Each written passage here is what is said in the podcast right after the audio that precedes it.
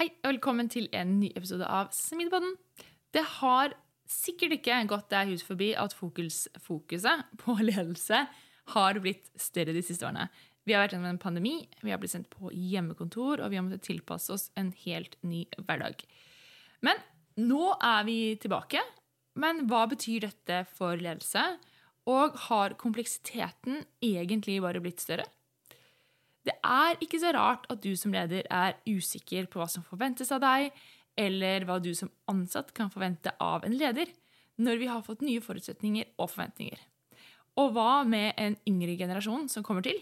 De presser oss fremover, de krever mer, og de tvinger oss til å tenke nytt. Så med det intro.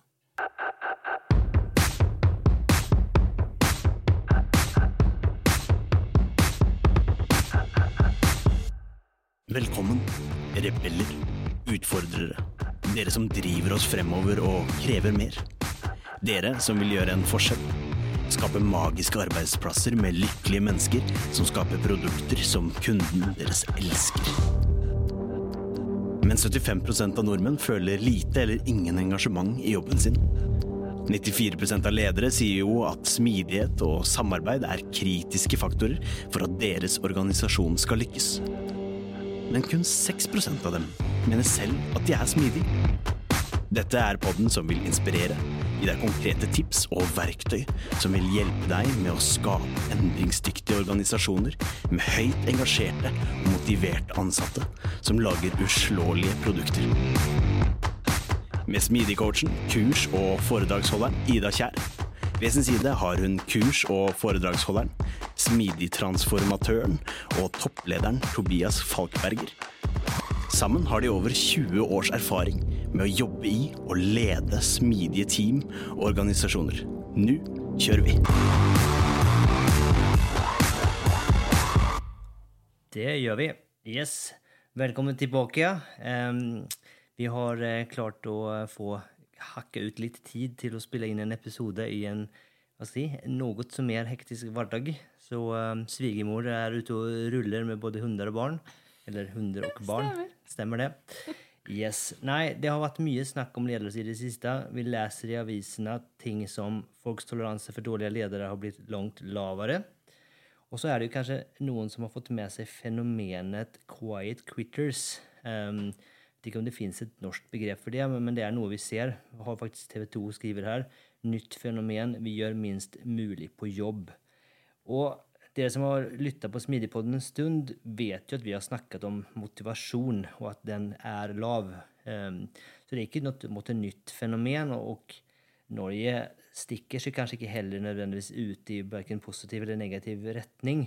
Hvis man ser på Gallup sin Global State of the Global Workforce 2022 Report. Ja, så er det faktisk ja, 19% er da engaged Mm, så vi kom på 17. plass da, i Europa. i Europa. Ja, så det er jo som, ja, ikke kanskje sånn veldig mye å hoppe høyt for. Det er liksom ikke krisedårlig heller, men, men det er liksom, de har litt å gå på, da. Så altså 19% av alle som er spurt, føler seg engasjert, motivert Ja, til å gjøre jobben sin. Ja. Det er jo stusslig. Det er stusslig. Det er litt, litt trist. Det Det, må man kunne si. det må man si. Og så tenker man jo lett å tenke liksom at det, det er jo Jeg tror det er kanskje mange som sitter der ute, og kanskje sitter i et styre eller en toppleder og sånne ting, og tenker at det er folka det er feil på. De lata Mm. som ikke gjør jobben. Og det er det quite Ja. Ja, nei, kjør på. Og det er jo det mange tenker på når de hører quiet quitting. Absolutt. Men Men der er det veldig spennende, for Harvard Business Review kom ut med en artikkel her for bare en, to, en måned siden, sikkert, som sier der liksom headlinen er 'Quiet quitting is about bad bosses, not bad employees'. Og det er jo liksom veldig spennende. veldig spennende. Og da plutselig så henger det her liksom litt sammen, da, ikke sant? At det her demotiverte ansatte er ikke de ansatte sin feil, det er dårlig ledelse. Og da vokser jo Clash liksom fram og hva er da bra ledelse? Og det skal vi grave litt i da. Så Det det, blir spennende. Eh, hvis man fortsatt henger liksom igjen litt i den eh, Harvard Business Reviewen, så er det ganske interessant, for det de har gjort, er egentlig at de har spurt eh, Eller de har fått eh, vurdert sin leder, og så har de også svart på hvorvidt de er motivert. Og da ser man at det er veldig tydelig sammenheng mellom at eh, de som er eh, lite motivert, har typisk dårlige ledere, og de som er mye motivert, de har typisk gode ledere. da. Da, som de rater selv, da. De mener sin leder er god Ja. eller dårlig. Og det som er liksom, liksom konklusjonen, kanskje, eller liksom, kanskje kalle det konklusjonen, som jeg syns er veldig fin, for det her er jo eh, det som vi ofte snakker om, og belyser når vi snakker om, om ledelse. Og det sier her at 'balance getting results with a concern for others' needs' er i en måte definisjonen på god ledelse. da. Så hvis vi liksom prøver å bryte det litt opp, så har vi liksom to dimensjoner her. Det ene er liksom, det handler om resultater, effekt, vi snakker litt retning, ikke sant? forretningsverdi. Men så har vi også det at man, det mellommenneskelige, vi, vi, vi bryr oss om hverandre, og vi liksom, at vi ser at folk har et, et mm. behov. da.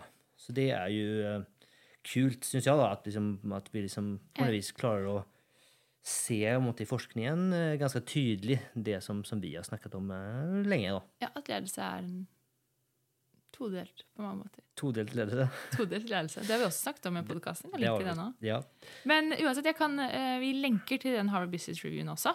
det gjør vi. Fordi den er ganske, det er ganske fin lesning. Og Gallup sin undersøkelse er også interessant er også interessant. å lese litt opp på. Eh, det her tar jo sånn, kanskje litt sånn jeg tenker fin intro, eller liksom veien videre er jo at liksom, det å bry seg om andre Og det er liksom det første som jeg tenker Eller kanskje ikke det første, men en ting av det jeg tenker på der, er det her med work-life balance. Eh, så har jeg sett i det siste så er det en, eh, en illustrasjon om at work-life balance kan se ulikt ut for ulike personer. Altså hvordan den work og life er balansert, eller delt. Ja. Og jeg syns det er liksom på en måte veldig trist, for at du har liksom på en vis misforstått, mener jeg, da. For det er liksom at Jeg mener at man er jo bare én person, og at det er ingen som eh, i hvert fall med hell klarer å liksom leve et liv på work og et annet life hjemme. Utan du er en person, og sånn du har det, sånn du har det. Og, og Du tar med deg ting begge veier. ta med deg ting begge veier. Og hvis du liksom tror noe annet, så, så har du liksom litt feil utgangspunkt. Da, da er det liksom veldig vanskelig å, å lykkes. Da. Og det er klart, som, som leder, hvis du bare er opptatt av det som skjer på jobb, så, så tror jeg ikke den personen føler seg veldig eh, sett eller tatt vare på. Eh, så det er liksom kanskje det viktigste, og måtte, tenker jeg, er jo å måtte anerkjenne det at vi er vi er en person, og vi er på vi, har, gjelder, vi ønsker å ha det bra både på, på jobb og privat, og det henger sammen. Og eh, at det ikke liksom er et skille, utan ting flyter mye mer inn i hverandre.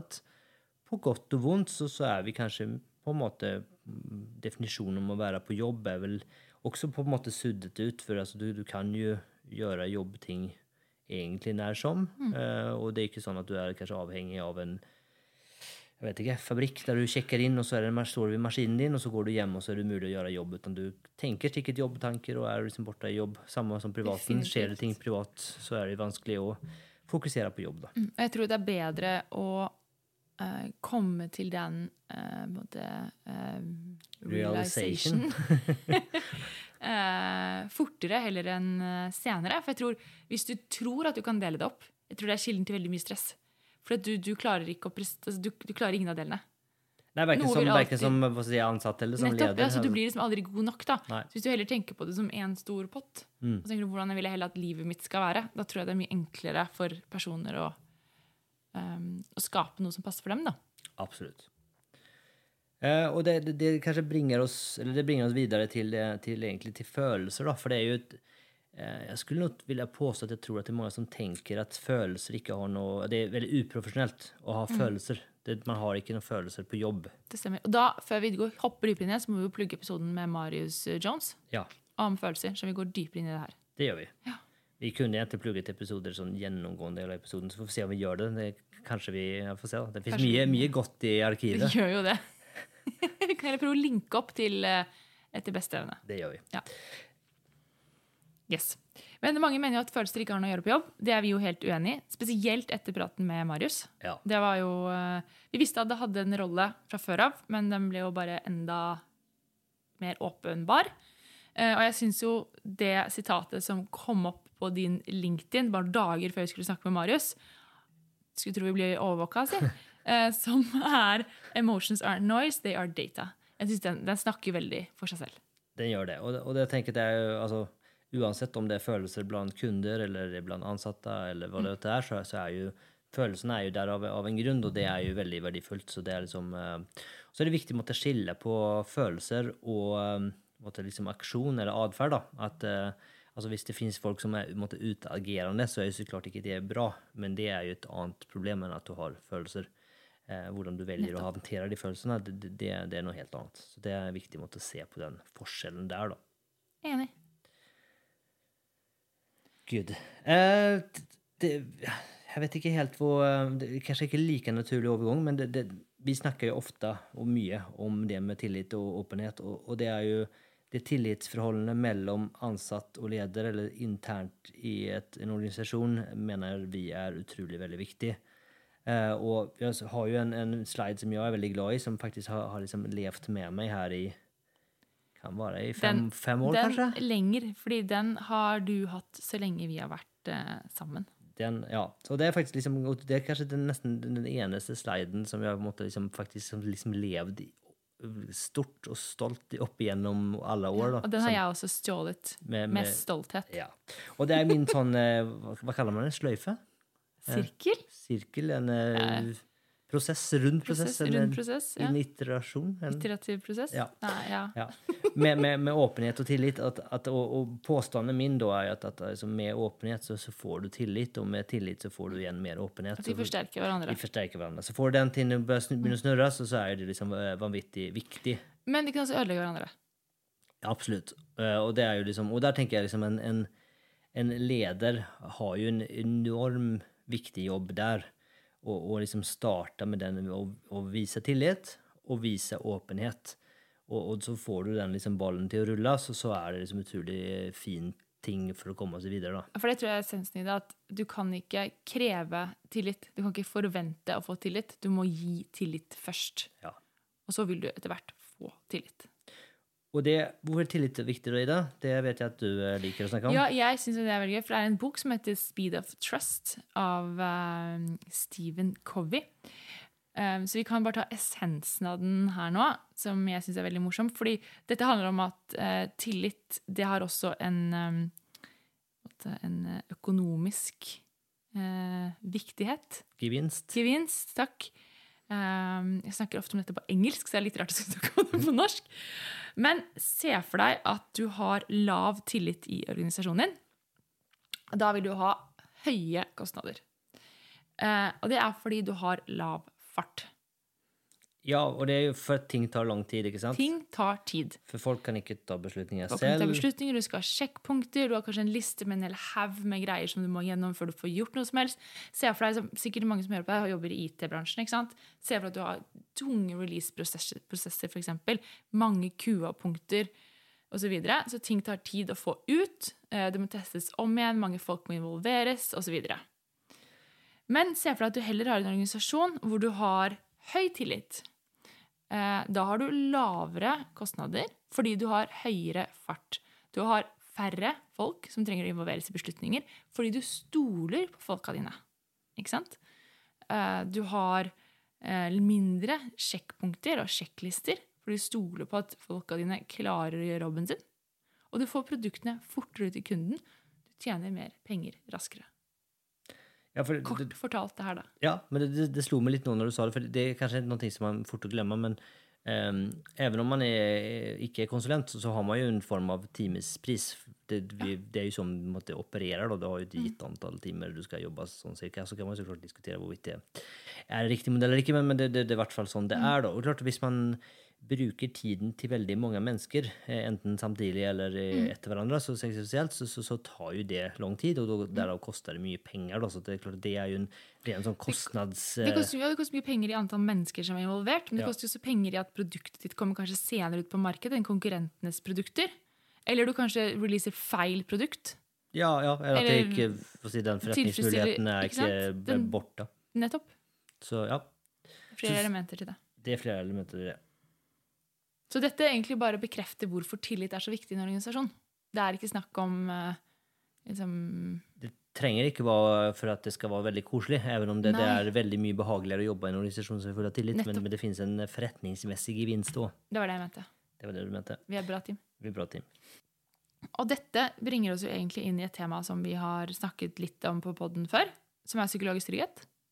Og eh, da var vi sammen på en konferanse i Skottland, i Edinburgh, for hvor mange år siden nå? Ganske mange år siden. Det er ganske mange år sedan, men jeg skal til Edinburgh igjen på Du tisdag. skal det. Åh, jeg er så misunnelig. Så det er vel Men, säkert, eh, ja, så Når du hører denne episoden så er jeg mest sannsynligvis i Skottland. Det er du På sannsynlig. Lean. Agile Skottland. Jeg må bare si jeg er kjempemisunnelig på det. eh, Men eh, ta med en syv uker gammel gutt på Lean Agile-konferanse er kanskje å strekke det litt langt. Det er sikkert langt. Ja. Men jeg får sikkert kjempegodt recap av deg uansett. Helt sikkert. Men poenget mitt var bare at når vi var på den konferansen for mange år siden, så hørte vi på et kjempespennende foredrag uh, av to forskere uh, som hadde forsket på dette med uh, hva utgjør gode team. Og da hadde de funnet ut at kollektiv intelligens det korrelerer ikke med individuell intelligens, som veldig mange tror. Veldig mange tror at hvis du setter skikkelig mange smarte folk sammen i et team, så blir det megabra. Men det er ikke sånn det fungerer i praksis. Det man faktisk ser, er at gode team de korrelerer positivt med tre ulike ting. Det ene er sosiale evner til de i teamet, som på engelsk er social perceptiveness, som er sånn forskerbegrepet. Social skills. Social skills. Og så har du kjønnsbalanse, gender diversity.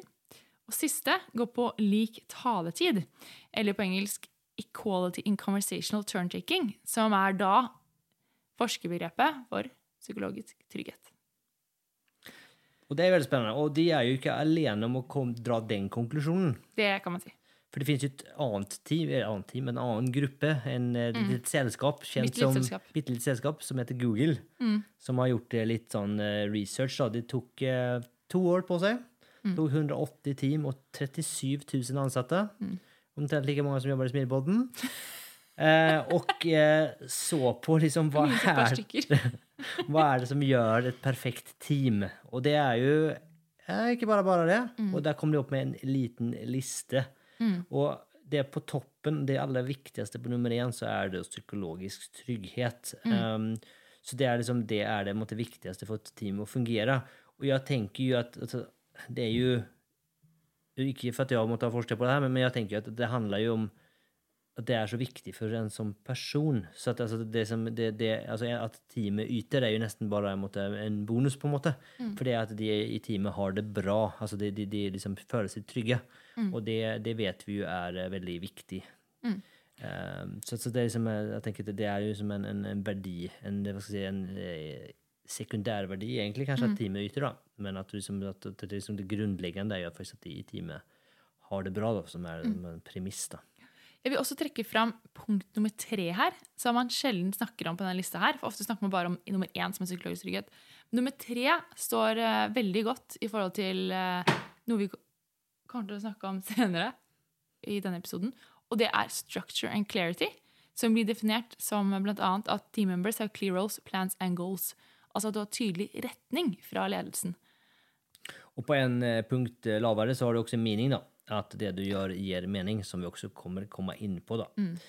Eh, så, så det er liksom, eh, ja ehm, Hele den forskningen til Google er også Veldig en ting interessant å, å ta og dykke ned i. Men om vi hopper litt tilbake igjen til psykologisk trygghet, og hvis vi tenker litt hva er psykologisk trygghet? Og da liker jeg Bård Fyn sin eh, definisjon veldig godt. Han sier det at det er opplevelsen av frihet til å være seg selv. Og det liksom, får vi plugge en eh, episode med Bård der? Liksom? Vi får gjøre det. Ja. Så, så hvis du vil høre hele episoden med Bård, så er det, så, så, er det om mulighet, da. Det er også en mulighet. ja, men Yes. hva vet vi egentlig om eh, psykologisk trygghet, da? Det vet vi ganske mye. Vi vet at det er um, at det er legger til rette for lærende. Det fostrer kreativitet, og det fostrer feilrapportering. Det har man sett veldig mye sånn eh, blant leger og også på, mm. på fly. At det liksom faktisk er eh, Hvis det er psykologisk trygghet, så sier du fra før det går gærent. Og det kan jo være hyggelig, kan man jo tenke seg. Flybransjen har jobbet ekstremt mye med dette, faktisk. Det har det. Som er ganske interessant lesning, det òg. De har kommet veldig langt på Mm. dette med trygghet i timene der. Vi vet at det lever på gruppenivå. Hva Eh, betyr det? Det betyr at, eh, at du mest sannsynligvis, hvis du i alle fall har litt sånn størrelse på et selskap, så, så er det mest sannsynligvis ulik nivå av eh, psykologisk trygghet i ulike team. Ja. Det betyr jo egentlig også at hvis du endrer på team og teamsammensetning, så må du bygge det på nytt. Eh, og at påstander som å si at i selskapet vårt så har vi veldig høy psykologisk trygghet Det er litt humbug. Det, ja, hvis du, Hvis det er en altså, stor organisasjon, er vi kan si at i Smidigpodden, med våre 37 000 ansatte, så AK2, så kan vi si at vi har høyt nivå av psykologisk trygghet. har høyt nivå av psykologisk trygghet. det, det må være lov å si. Det må lov å si. Men, men hvis du har et større selskap, så er det på en måte vanskelig, da. Fordi det du kan tenke deg, da, er at psykologisk trygghet det lever mellom relasjoner. Ja. Og det er umulig å ha trygghet med en person som du ikke har en god og sterk relasjon til. Så la oss si du jobber i en organisasjon med 5000 ansatte. Det at en person, alle de personene skal ha godt etablert, etablert trygt forhold med f.eks. CEO, er umulig. Fordi det er ikke mulig for en CEO å ha relasjon til 5000 ansatte. Nei, altså, det, det med, altså, vi, nå er jo, jeg jobber i et forholdsvis lite selskap, men jeg har ikke en god relasjon til alle. Det, det, det er vanskelig. Og hvor mange er det i Riks-TV? Rundt 100? Ja. Yes, eh, så det varierer mellom grupper team i en organisasjon. Men det man må si er jo det at eh, hvorfor vi vil ha psykologisk trygghet, er jo fordi at vi ønsker å skape rom for den type atferd som vi trenger i den verden vi lever i dag. Og den verden vi lever i i dag, det er jo kompleks, og det er veldig høy grad av usikkerhet og mye gjensidige avhengigheter. Så det er et stort behov for psykologisk trygghet. Ikke sant? Men da er jo million dollar question. Hvordan uh, skaper man psykologisk trygghet, da? Ja. Uh, og da har jeg eh, for en stund tilbake kokt sammen en smørbrødliste. Oi! Ja, hva var det? Ja, en liten eh, oppskrift, nesten. En liten oppskrift, vet du. Um, og der mener jeg at det handler om mange, mange, mange ting, da. Men noen av de så handler det annet om å eh, Hvis man har gjort en feil, eh, så skal du fokusere på hva som skjedde, og ikke på menneskene, eller mennesket, som eventuelt gjorde feilen. For da blir det en blaming-kultur. Ja, så vi snakker liksom blameless. Uh, Yes. mm. Uh, vi snakker om å aktivt lytte. Det å faktisk gjøre Mennesker liker å bli lyttet til. Så det å faktisk bry seg om andre mennesker og aktivt lytte når andre snakker til deg, Lytte for å forstå, ikke for å svare. nettopp. Uh, man skal lede gjennom eksempel. Det gjelder for alle, men også spesielt viktig for ledere, vil jeg si. Ja, det, Den syns jeg mange er dårlige på. altså. Ja, jeg er enig. Det er liksom det, ja, vi har vært med, Vi har hatt gode, gode, gode og dårlige eksempel, Ja. eh, begge to. Med, med ledere som sier at det her er viktig, det her må alle være med på, så går de selv. og ja. Eh, så ja, absolutt. Det, man skulle ikke tro at den skulle være enkel, men den er vanskelig. Den sitter ofte langt inne blant folk. Um, neste er det å erkjenne og snakke om feil.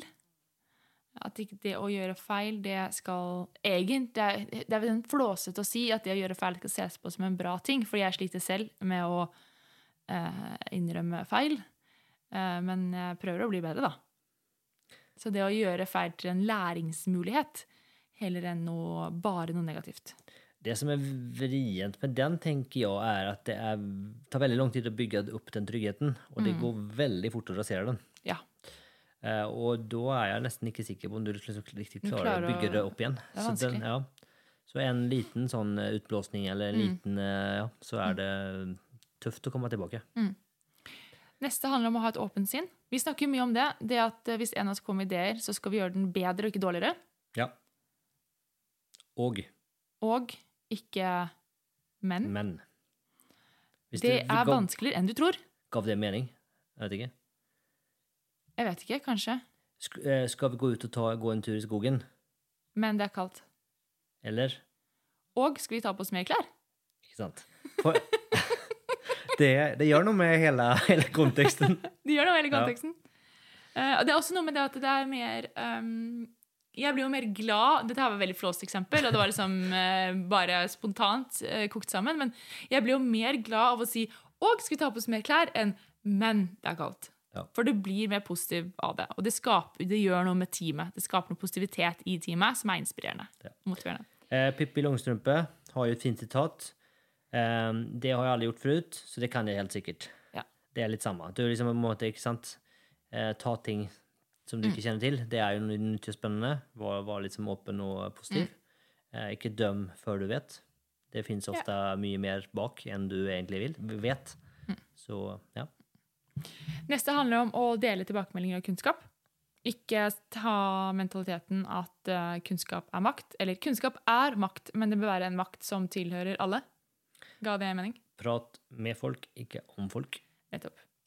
Um, også neste er å oppfordre til nysgjerrighet. Du ønsker jo at folk i organisasjonen din og teamet ditt skal være så nysgjerrige som overhodet mulig. fordi da kommer man jo med nye ideer, man blir inspirert, osv. Og siste handler om, som jeg syns er veldig fin, som jeg syns at man snakker altfor lite om i utgangspunktet, og det er dette at ledere må være åpne om utfordringer. Altså, ja, dette her blir vanskelig, og derfor trenger vi alle hjernene vi har i organisasjonen. Det er en grunn til at du og du og du og alle her er ansatt. Det er fordi vi trenger dere. Dere er kloke hoder, og vi trenger alle for å nå målene våre. Ikke sant? Så det er hvordan du bygger et trygt team. Ja. Fokus, fokus, rett som en plett. Så enkelt var det. Så enkelt var det. Yes. Og, og det, det liksom det, det er lett å tenke jeg synes Den, den største misforståelsen rundt psykologisk trygghet Ja, er, er at det er noe, at det er noe sånn der uh, kosegrej. Ja, det en liksom- koseklubb. Vafler og te, Ja, liksom. ja. Eh, det handler ikke om det, utan det handler om noe helt annet. Og, Mm. og, og du må, det er liksom for enkelt å se på det som lineært. Mm. Eh, så vi har en uh, two by two. Eh, gamle konsulenten er jo koser oss litt, men, men eh, må jo trekke fram en, en 2x2. Jeg tror vi faktisk har en 2x2 til. Har vi det? Ja, vi har det. Eh, og, og da kan du tenke deg at du har liksom, på godt norsk performance standard, og så har du psykologisk trygghet. da. Så du kan ha eh, lav av begge deler. Da er det Da er det ganske Apati. kjipt. Apati, ja. Er det ikke det det heter? Jo, jeg tror det. Og så kan du da ha måtte, eh, låg eh, performance standard, men høy psykologisk trygghet. Komfort. Ja, blitt sånn kos med misnøye-type ting. Mm. Sånn komfort som du har Ja, ganske ja. fint. Trenger ikke gjøre så veldig mye, egentlig. Nei. Og så har du høy performance standard, med låg psykologisk trygghet. Godt gammeldags stress. Godt gammeldags stress, burnout, ikke noe hyggelig i det hele tatt. Nei. Fordi, og det sier seg selv, ikke sant? Altså, du har ekstremt høye krav, men du har ingen til å hjelpe deg. Nei. Du har ingen rundt deg. Ikke noe støtteapparat. Nei, og ingen kanskje sperrer med, for du tør ikke si at du ikke vet eller ikke Nettopp. kan. Eller, ja. Ja. Og så har vi da oppe i eh, topphøyrekvadranten. Mm. Der eh, vil vi jo være, for da har vi høy psykologisk trygghet og høy forventninger til hverandre. ikke sant? Mm. Vi er omforent i gruppa hvordan vi jobber, men vi jobber sammen, Mm. og vi eh, prøver å løse de utfordringene som vi står innover, innenfor, innover oss, Mm. som vi har foran oss. foran oss. Vi kaller det for eh, må si, en lærende sone, kan man kalle det. Ja, At det- er ja. i en lærende state. Ja. En learning organization. Det er der vi ønsker å være. Ja. Eh, og der har du, eh, hvis det er noen som ikke eh, catcher den, så er det jo mot Amy Edmundsen sin jobb, work, som ligger bak her, da, med Det Learning stemmer. Organization. Det stemmer. Yes.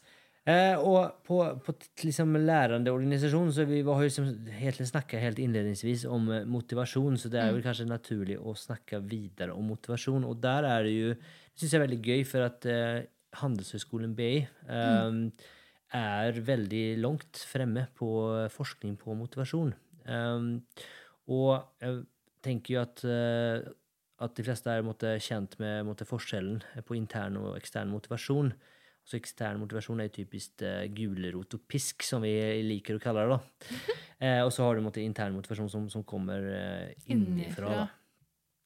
Eh, og så det, det BI har forska på, er, veldig mye er jo egentlig balansen, og liksom, eller hvordan de måtte henge sammen og påvirke hverandre. da. Mm.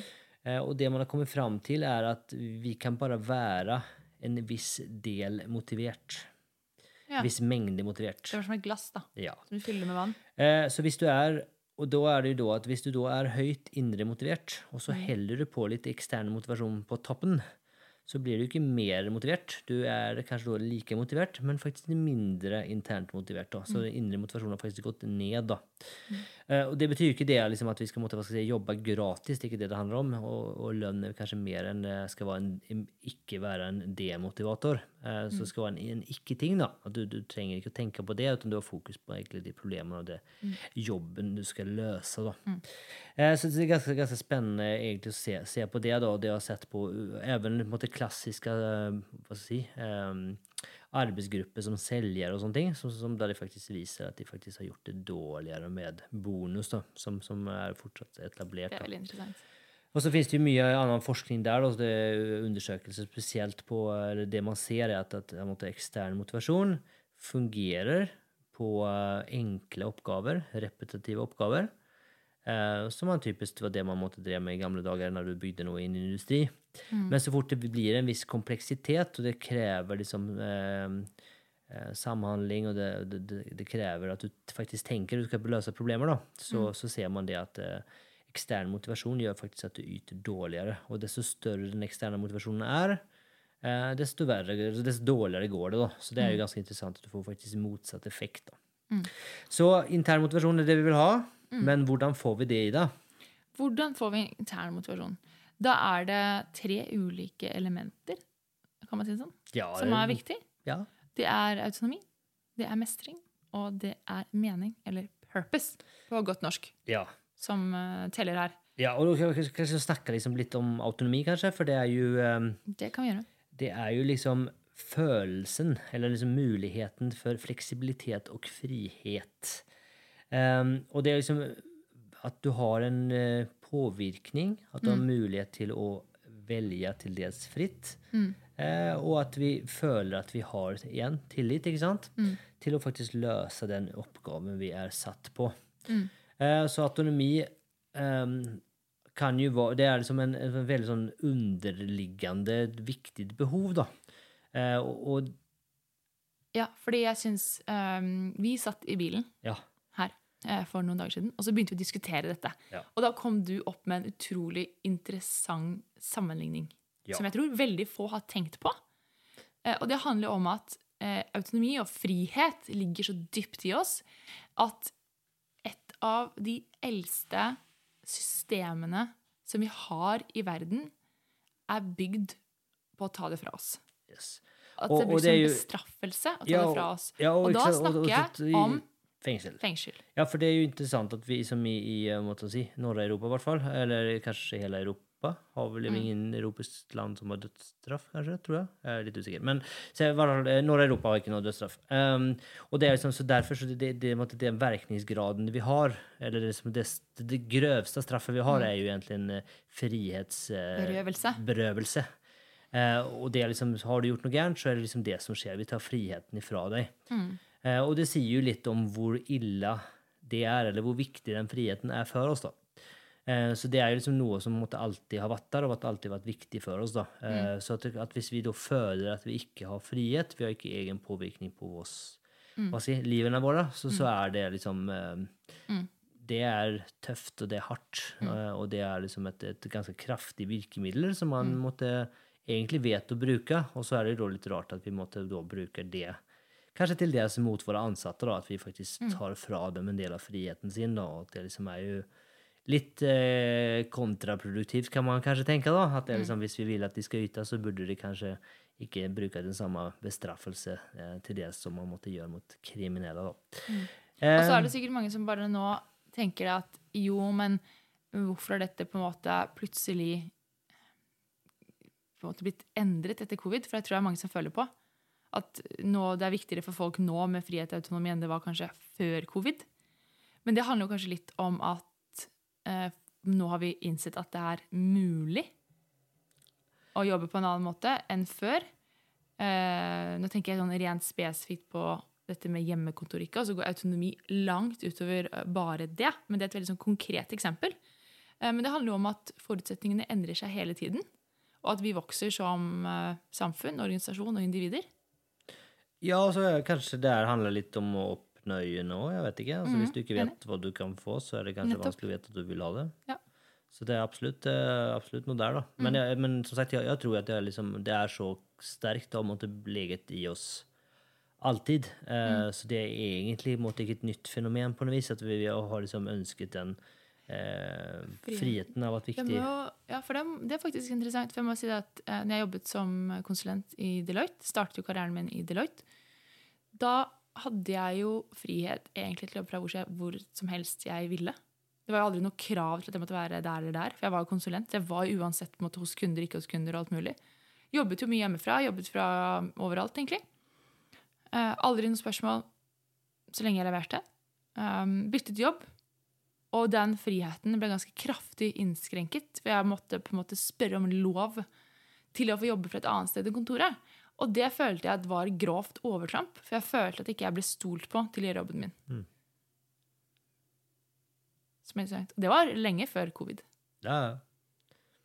Jeg, vi eh, må skynde oss Vi må skynde videre. oss. Yes. Um, du nevnte mestring som, som måtte, dimensjon nummer to. Da. Og, og det er jo det at liksom, følelsen eller kjenslen av at bli bedre på ting, at faktisk ha oppgaver som er vanskelig, men ikke umulig, og at du, du liksom kan sitte og jobbe med ting så at du glemmer litt tid og sted. Vi snakker altså om flow da, på, på godt norsk. På godt norsk. Eh, så liksom det er jo liksom viktigheten der. Og det tenker jeg også liksom henger på en måte litt sånn sammen med, med autonomi. Da, at liksom er eh, det er vanskelig å føle mestring hvis det er veldig styrt på hva du skal gjøre, og at du alltid skal jobbe med det samme. Jeg tenker jo også at eksempel tverrfaglige team spiller inn her, for da kan du faktisk få litt eh, grann over, over tid, i hvert fall, få liksom litt nye, nye oppgaver og ting som måtte treffer som kanskje ikke er nytt, som gjør at det faktisk blir litt vanskeligere og litt sånn mer utfordrende, som, som er igjen da måtte bygge den mestringen. da. Vil du si at psykologisk trygghet spiller godt inn også? Men det å ha trygghet til å kunne feile, prøve nye ting, oppleve mestring, føle mestring. Ja, det tror jeg. Jeg tror det er kanskje vanskelig. Altså, for feiler vi ikke, så lærer vi ikke, Nei. og da tror jeg ikke vi kan føle mestring heller. Så, så absolutt. Så det er liksom kanskje en uh, Forutsetning. forutsetning. ja, Mm. På. Mm. Og så har vi den siste mening, da, eller Purpose, purpose på godt norsk. på godt norsk. Eh, og det er liksom følelsen av at tilhører noe større Enn seg selv. enn seg selv, ja. At man bidrar til noe. Ja, at man, liksom, man er ikke alene. At det er liksom det samme. Jeg hadde ikke fått til det alene heller. Det er også viktig. her, Liksom, at jeg, Mm. Ja, for for du, det er- du har en gjensidig avhengighet her. er Ikke liksom sant? viktig. For det er spennende, for nå snakker du ikke om en purpose som i at øh, jeg skal redde kloden. Det kan være, Det kan være det, men det kan også være mindre enn det. mindre enn det. For det er noe med her at du skal føle at det du gjør, skal ha en, en kobling til det. Og at du har fremdrift egentlig hver dag. Mm. Så klart, så hvis det purpose, si, målet, Mm. er altfor stort og altfor diffust, så blir det klart vanskelig å Mm. både føle at det du gjør, faktisk har noe å si, og at du sånn sett har en måte, fremdrift mot det målet. Ja, og der er, jo, der er det viktig å si at uh, i Fasmindi snakker vi ofte om det å ha en nordstjerne, og viktigheten av en nordstjerne. Men dette måte, understreker også viktigheten av å bryte den nordstjernen ned. Sånn at du nettopp får den mestringen, mestringen som du snakker om der. Ja, og, det tror jeg kanskje altså, at, at det kan være altså, Nordstjernen er jo ofte veldig retningsgivende, men det er, som du er inne på, egentlig kanskje ikke nok. da, Og at du faktisk du trenger noe mer. Eh, og så er det kanskje det, Opplevelsen min er at det er kanskje folk litt forskjellige òg. Noen er flinkere på å tegne den veien til stjerna selv, mens andre trenger litt grann hjelp. Og da tenker jeg som leder er det viktig å måtte se folk for hva de er, og hva de har behov for. da, Ja. Eh, Og at liksom hjelpe de å måtte tegne den hva skal jeg kalle det, Og kartet. så da. tror jeg det går litt på, på kanskje modenhet også. Noen lever jo bedre i Kanskje ikke modenhet, det er kanskje feil ord, men noen lever jo bedre i den usikkerheten enn andre. Absolutt. Det, det tror jeg.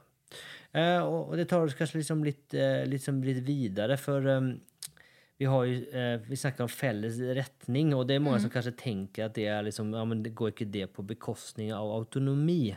Nei, Nei, sier det du. er så feil. Ja? Hvorfor er det feil Øyda? Eh, fordi at det handler jo ikke om Felles retning er jo superviktig i smidig.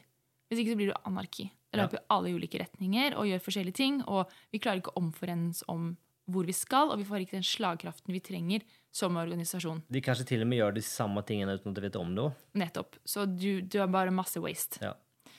Um, og da har vi anarki. Det vi vil ha, er autonomi. Det vil si at vi ønsker en tydelig retning med hvor vi skal, men at folk selv kan få bestemme hvordan de skal komme seg dit.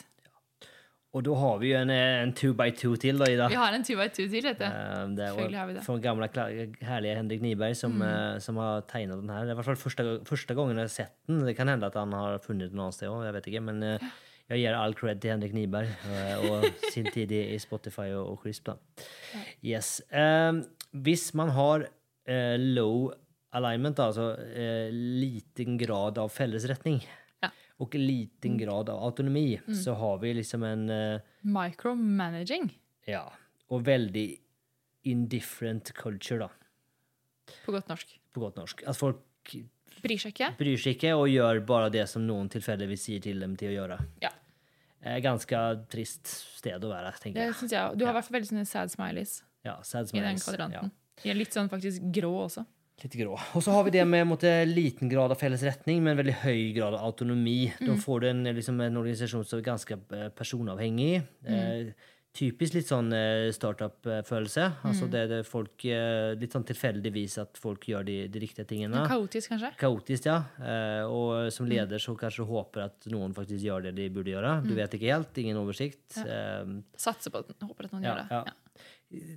Kan fungere i små organisasjoner kort tid, men, men eh, ja. Hvis man snakker sammen. ja. Og det, det, det har jeg, jeg husker at jeg leste det en gang, at eh, det som oftest tar død på startups, er byråkrati. Og jeg tror, jeg tror at eh, de er i den kvadranten der, og så istedenfor å gå opp til topp høyre, som vi vil, så går det da til, eh, Mm. Til topp venstre. venstre. Der vi har høy grad av eh, felles retning, Mm. men veldig lite autonomi.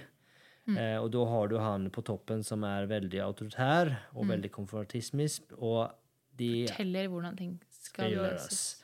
Og folk står på, på rekke og rad og bare produserer. Der snakker vi byråkrati. Det skalerer vanvittig dårlig, og derav så gikk det selskapet i graven, tror jeg dessverre mange ganger som skjer. Så det du vil igjen, ikke sant, vi skal opp i den topphøyre kvadranten. Og der har du da en samarbeidende kultur som er veldig en innovativ organisasjon. Der liksom lederen setter retning, og teamene og de ansatte måte, finner ut hvordan de skal komme dit. da. Så det er liksom på en måte målbildet, og det er egentlig konteksten i der de to måte, kan leve i en synergi, kanskje vi kan kalle det. da. Og så bare sånn kjapt tilbake til den andre kvadranten, for da sier du det er dessverre døden på organisasjonen. Og da kan man tenke tilbake til eksempelet vi hadde med Speed of Trust tidligere. ikke sant? At hvis du har lav tillit, som du har i en byråkratisk og autorit... autorit ja, byråkratisk organisasjon, Ja. mangel på å kunne si det andre ordet, Autoritær. autoritær organisasjon, ja, så har du lav grad av tillit. Ting går fryktelig sakte. Til motsetning for en, liksom en startup der ting går veldig fort. ikke sant? Så Ja. da er det jo, ja. Og da er, kanskje folk slutter og ikke trives, og så Ja. går det som det går. Eh, Det går ikke å snakke om felles retning uten å snakke om eh, prioritering, og ikke minst nedprioritering. Nei. Og det er vel kanskje kanskje det vanskeligste her i livet. Åh, jeg har så vanskelig med det. Ja, Hvis jeg skal prioritere noe opp, så er det noe som må prioriteres ned. Det velger jeg å ignorere nesten hver gang. ja, Som per personlig basis. ja. Og det er jo sånn det er folk flest, tenker jeg da. Og det er jo um, jeg prøver å si, i hvert fall, er jo at hvis du har prioritert noe opp, så har du per definisjon prioritert noe ned. Verken du vil eller ikke, eller verken du har sagt noe om det eller ikke. Og da tenker jeg det er mye bedre å være tydelig på det. Og bevisst rundt hva du velger å prioritere ned. Ja, Og hvis ikke det blir tilfellet, da. Eh, så det er jo noe med liksom putter du noe inn, så må du ta noe ut. Eh, sånn er det bare. Det er bare en viss eh, mengde. Og så når vi snakker om det, så kanskje det er lurt å si at det er jo si, eh, Man vet jo det at, å prioritere maksekapasiteten er eh, ikke heldig. Det Det, tar ned tempo, og Ja. i hvert fall ikke noen mulighet for, for noe læring eller noe innovasjon heller. Så det er jo noe med å ha litt uh... Slack, Du må planlegge for Slack. Altså ikke Slack som systemet, men Slack som i ledig tid. Ja, og ikke som i slacking heller, nødvendigvis. Nei. Nei. Plan for Slack, Yes. man sier på godt norsk. Igjen. Yes. Det er mye godt norsk i dag. Eh, og når vi snakker om, om liksom, eh, måling og, og Eller hvis vi snakker om, om prioritering og vi snakker om retning, så er det kanskje viktig å snakke litt om måling òg. Eh, og Thomas Johnsen, som er eh, eh, Harvard Business Review, har på en måte ranka han som topp liksom, leading management thinkers. Oi! Så han er liksom anerkjent eh, tenkere, da. Tenk å være en anerkjent tenker, da. Ja, det kan jeg tenke meg. Kan vi få sånn drumroll? Eh, vi kan kanskje få drumroll. Uh, er det drumroll? Nei, det var ikke drumroll! Funka, best. men det funka, det òg. Funka det. Next best. Yes. Eh, Han sier Perhaps what you measure is what you get. More likely what you measure is all you will get. Yes. Eh, og, og den er også på en måte undervurdert, tenker jeg da. For vi er eh, Og det sier jo litt om hvor vanskelig det faktisk er. For måler du feil ting, så får du feil ting. Og folk er eh, eller, hvis, Du kan ikke beskylde folk for å gjøre feil hvis de er satt i et system som er eh, korrupt eller ødelagt på en måte. Ja. Eh, og det er litt det her da, at du må være veldig bevisst på hva du faktisk måler, for det er det du får. Og her syns jeg det er viktig at man tenker også Her er det sikkert mange som sier ja, ja, men, men um, du er en stor organisasjon, så kanskje sitter du ganske høyt oppe i systemet og sier ja, men vi måler timene våre på dette. Ok. Men det funker ikke. Hva måler du lederne til timene på, og lederne til lederne igjen? For det har også noe å si. Ja. Og måler du ikke de på riktige ting, så vil du få feil effekt. Ja, og så er det det kanskje viktig å understryke at mange ganger opplever jeg at det ikke nødvendigvis at man er bevisst over at man måler det. For det kan være, altså I måling i det her sammenhenget kan være hva prater du med dine ansatte eller dine Ja. ledere med i Hva er det som møter? betyr noe? Hva er det som betyr noe? Hva er det du belønner for? Hva er det du kommuniserer? Hva er det du trekker frem?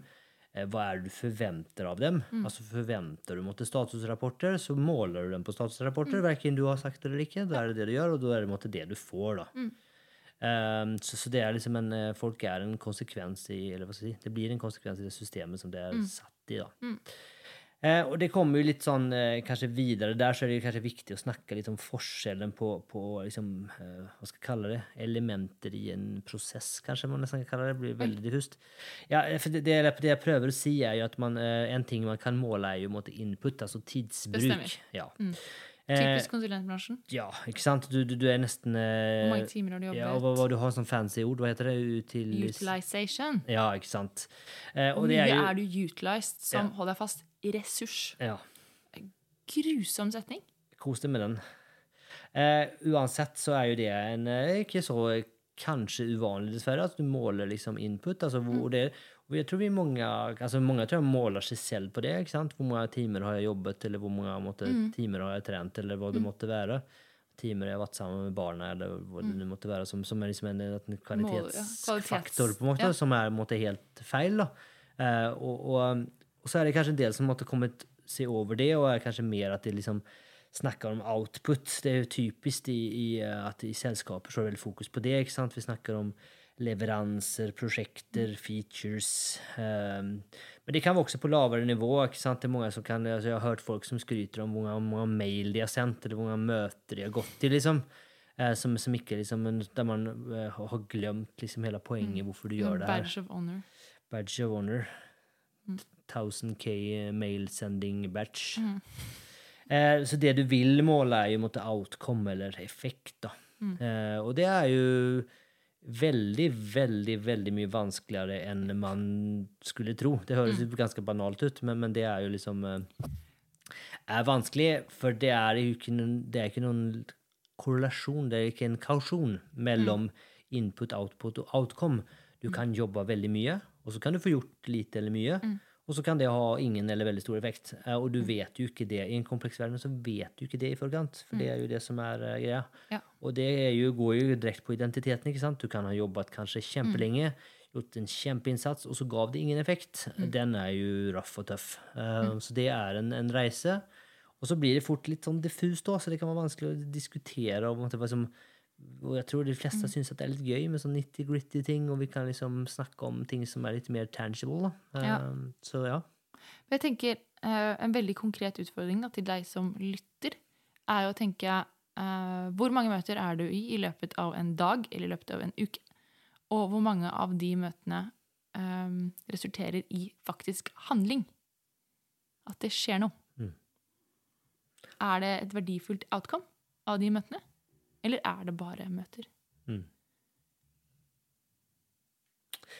Med det så sklir vi videre på Det har vi også en episode om, det må vi bare fortsette å plagge. da. Rune, Med Rune. Tight, loose, tight. Uh, og det det er, et veldig viktig lederprinsipp. det er veldig viktig lederprinsipp. Og igjen vanskelig. Kjempevanskelig. Uh, og det er jo det at man liksom historisk sett hatt ganske lite eh, fokus på hva og uh, hvorfor. Ja. Eh, og ikke snakka så mye om eh, liksom, hva vi skal oppnå, og hvorfor er det viktig. Men man har hatt veldig mye fokus på hvordan. Altså hva er det vi skal gjøre. Man kanskje til og med kommer som altså man er eh, kommer fra faget, som man kanskje til og med ser på seg selv som den som kan faget Eksperten. best. Eksperten. Fortell alle hvordan de skal gjøre det. Ja, og er der er man veldig fokusert på, og så er man ikke så teit på den siste som er måtte, resultatet eller effekten. da. Eh, Det viktige er jo at vi har måte, gjort, vi har levert, eller vi har har jobba gjort vårt på beste. Vi har gjort vårt beste. Eh, Ja, men om det er veldig norsk òg. Vi har gjort vårt beste. Ja, men om det skapte noen effekt, det er jo ikke nødvendigvis eh, så sikkert. da. Eh, så det ønsker man egentlig snod, snu, Snu. snu, snu, snu, snu. Eh, på at vi har veldig liksom, tight fokus på hva og eh, hvorfor. Hvorfor? Og så stepper vi litt tilbake Ja. og låter teamet ta hånd om hvordan. Ja. Og så kobler vi litt på, så ser vi liksom på effekten og har en diskusjon på det igjen. ikke sant? Taktet vi riktig? Burde vi gjort noe? Har Mm. Vi lært noe? Har vi gjort liksom noen andre grep? ikke sant? Det er jo tilbake til autonomi, ikke sant? Tilbake til autonomi. Mm. Helt riktig. Uh, og der eh, kan vi bare sånn som en liten sånn sideliner Mm. si at det her OKR spiller godt inn i det her. Så da kan vi jo plugge eksempel to episoder med Harald, og vi har med Sparebank igjen. Vi har noe. Vi har noen episoder nå. Ja, vi har det. Jeg tror, jeg, jeg tror vi begynner denne episoden Et lite sidespor, men vi begynner nærmest episode 80, gjør vi ikke det? Ja, vi er ikke helt der ennå, tror jeg. Det er, det er ikke langt unna, altså. Okay. Nei. Yes, OK. Um, så Så hvordan gjør man det her, da? ja, hvordan gjør man alt det her? Nei, altså jeg tenker at ledelse 2022 Kan nesten si 2023, liksom. Det begynner jo å nærme oss eh, nytt år og ny, nye muligheter. Skal vi ikke bare si det Fremtiden. ledelse i 20 Hvordan sier man? Man sier sånn 2020-tallet. Ja, jeg skal ikke si det. Ja, ja. Ja. Jeg tenker kanskje det, Jeg tør å gamble på at det her funker i 2030 òg. Ja. Kanskje til og med 2040? Jeg vet Ja, ikke. Eller tar vi oss litt an hodet? Kanskje, kanskje. Ja. Yes. Nei, men eh, vi Det handler om å skape gode forutsetninger. Det gjør det. Eh, Det handler om å se hele mennesket. Det handler om å sette rammer. Være tydelig. Og, og være tydelig. Ja. Vi, snakker, vi snakker retning her. Mm. Coachende ledelse har vi ikke snakket så veldig mye om, men det er jo noe med å faktisk hjelpe de ansatte til å finne ut svarene selv. ikke sant? Nettopp. At man ikke skal fortelle Ja. hvordan man skal gjøre ting. Og så er det kanskje liksom litt sidespor. Hvis du eh, coacher med eh, intensjon, så kaller vi det for manipulasjon. ikke sant? Eh, Hvis, vi, hvis du mener hva som er riktig, men du, du, later som at folk finner ut av det selv, så er ikke det nødvendigvis coaching. Men det er en annen diskusjon. Det er liksom viktig å være bevisst rundt den uh, Forskjellen. forskjellen der når man er leder. Eller ikke leder, bare sånn generelt som menneske. tenker jeg er greit å være bevisst rundt det, da. Ja.